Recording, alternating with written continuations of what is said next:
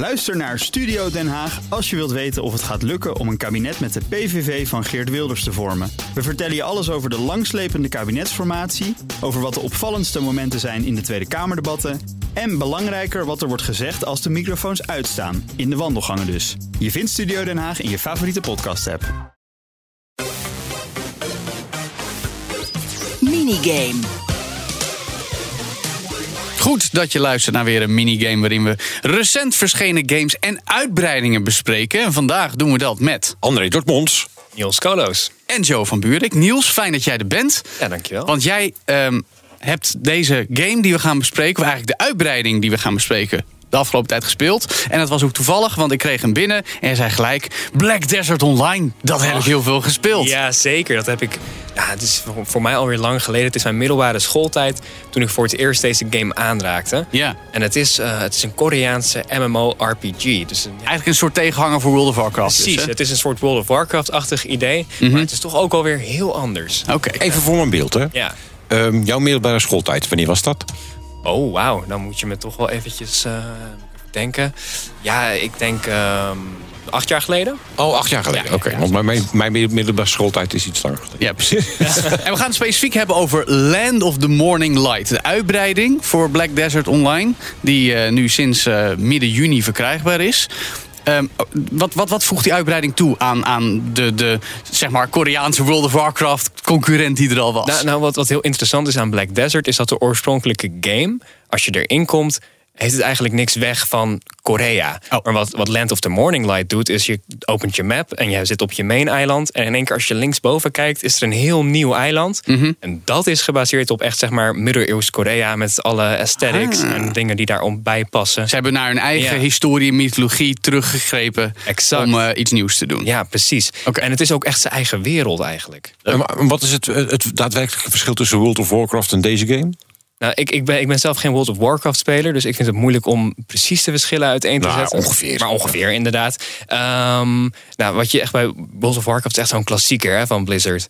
Ehm, en wat je bij Black Desert ziet, is dat het eigenlijk begon als, als dus een Koreaanse MMO. En waar dat heel erg bekend om stond, dat is eigenlijk niet meer zo, is dat het heel grindy was. Dus je moest Ah. heel lang enemies verslaan, heel lang Ja, ja. eh, levelen om Heel veel werkverschaffing en Ja, eh, gewoon dingen, vijanden verslaan om het verslaan om maar sterker zeker. Als je het aan Bezigheidstherapie. eh, bezigheidstherapie. Nou ja, zo erg zelfs dat sommige mensen in de community zeggen: dit is een part-time baan. Ja. Maar tegenwoordig moet ik zeggen, daar zijn ze eh van afgestapt. Vooral in Land of the Morning Light. De klassieke waar je urenlang eh, enemies moet eh, afslachten om te levelen, zijn weg. Ja. En in plaats daarvan zijn er bosses die dynamisch met jouw level meekijken om te zien wat is een goede uitdaging voor jou. Dat klinkt een stuk aantrekkelijker om te zeggen. Zeker. Ja, ja, Ja, inderdaad. het is ook echt bedoeld voor de nieuwe speler... die eigenlijk niet een diehard MMO-fan is. Oh, dus eigenlijk voor mensen zoals Dre en ikzelf. Ja. Ja, zeker. Mm. Want als je de game ook begint... Hè, dan heb je eigenlijk na je character creation... eh, waar je ook echt al... Ik heb daar uren aan besteed. Ja, dat is mijn probleem ook. Dan mag je zelf personage ontwerpen en dan zijn we twee nou ja, dagen verder. dat. En in Black Desert is ook nog wat erger... dat er 26 classes zijn die allemaal zo Wow. erg van elkaar verschillen... En in de update zijn er ook twee nieuwe classes bijgekomen. Mm. Die zijn dus ook gebaseerd natuurlijk hè, op Koreaanse folklore. Mhm. Je hebt eh, de Wusa, dat is iemand die ehm, ja, met, met een soort waaier allemaal gekke dingen kan doen. Mhm. En eh, de, ik hoop dat ik het goed uitspreek, de, de Megu. Mhm. Eh, en die heeft een soort ja, een vossengeest bij zich... die ook weer allemaal magische trucken kan uithalen. En ze zijn echt super anders dan alle andere 24 classes. Ja, nou, daar heb je wel heel veel diversiteit in uh, Er is zoveel. inderdaad, ja. Het Ja. is ongelooflijk. Ook om dit in een minigame allemaal uit te leggen, dat is eigenlijk onmogelijk. Ja, ja, ja. En, en, die, en die update, is dat daadwerkelijk een, gewoon een uitbreiding van het spel? Of komt er nog meer bij? Is er nog meer bij gekomen?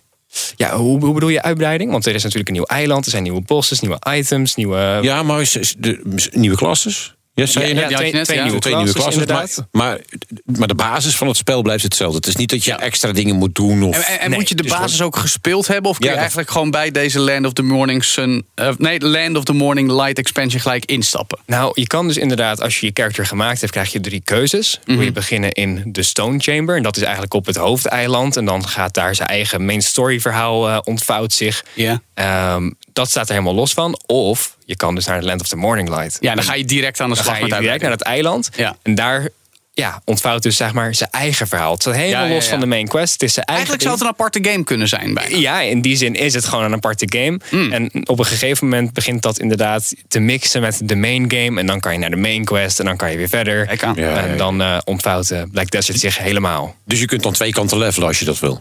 Nou, Ja. je, je, hebt, je hebt zeg maar wel gewoon een character die dus ehm, zowel op het hoofdeiland als in Land of the Morning Light hetzelfde level heeft. Mhm. Maar het zijn wel echt twee aparte verhalen. Ja, ja. Ja. Ja, maar Is het, toch- is, ja. het is niet zo dat je de ene moet gespeeld moet hebben om de andere te kunnen spelen. Nee, zeker niet. je kunt bij allebei levelen. Je kunt gewoon heen en weer switchen. Je kunt Ja, kiezen waar je dat, dat naartoe is wil. lastig, want je kan dus beginnen in Land of the Morning Light. En dan kan je daar levelen en je ding doen. En na- op een gegeven moment komt er een quest die je naar het hoofdeiland brengt. Mhm. Maar als je op het hoofdeiland start, dan moet je eerst een groot deel van de main quest doen. En dan weer wat side quests doen. Ah, ja, ja, ja. Ik heb wat guides moeten opzoeken om dan in de Land of the Morning Light te kunnen komen vanaf het hoofdeiland. Ah. Dus het wordt dan vrij complex. En dat, dat is ook wat je Black Desert in één woord kan noemen. Het is complex. Ja, er is heel veel. Dus het is ook niet per se toegankelijker geworden met deze uitbreiding. Nou, is ik, niet... ik denk het wel. Alleen dan moet je dus wel aan het begin van de game kiezen voor Land of the Morning Light. En niet het hoofdeiland. Dat is dan toch wel een tikje omslachtig of zo. Maar ik kan me ook wel weer voorstellen dat ze niet een aparte game wilden uitbrengen, maar juist wilden voortbouwen op wat, wat er al was, namelijk Black Desert Online. En Precies. maken er een expansion van. Ja, ja, precies. Dus ik denk dat de expansion is inderdaad in, in die zin zo'n grote uitbreiding... dat je ook in alle loading screens zie je Black Desert X Land of the Morning Light. Omdat Ja. het gewoon zo groot is. Ja. Ehm, maar het is eh, niet zo'n aparte game geworden, nee. Oké.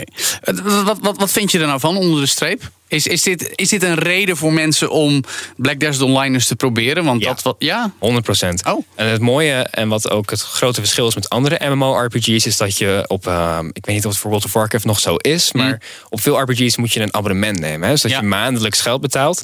eh, en Ja, dan World of Warcraft is ook nog steeds zo, Dat is nog steeds zo, ja. Ja, ja, nou, precies. En voor Final Fantasy 14 volgens mij ook. En het gaat zo door. Eh, Black Desert is één keer 10 euro. En dan heb je altijd toegang. Oh, wauw. Dus ja, Ook dat is gaaf. voor een tientje Ja. zou ik zeggen, probeer het gewoon. Ja. Als het Ja. niks aan is, ja, dan was dat een tientje. Ja. Maar het mooie, en dat zei een vriend van mij gisteren ook, die het ook speelt, en die heeft er nog meer uur in dan ik. Er is voor iedereen wel wat. Als jij geen zin hebt in de main quest, dan kan je echt een enorm eh, trade network bouwen en een handelsroute Oh, maken. echt? Ja, ja Oh, wat er cool. is zoveel te doen. Het is ongelooflijk. Leuk. Nou, Ja. goed om te weten in elk geval. Mocht je het eh, leuk vinden om te proberen, probeer het vooral. De uitbreiding voor Black Desert Online, dat is Land of the Morning Light. En je kan het nu spelen op de PC.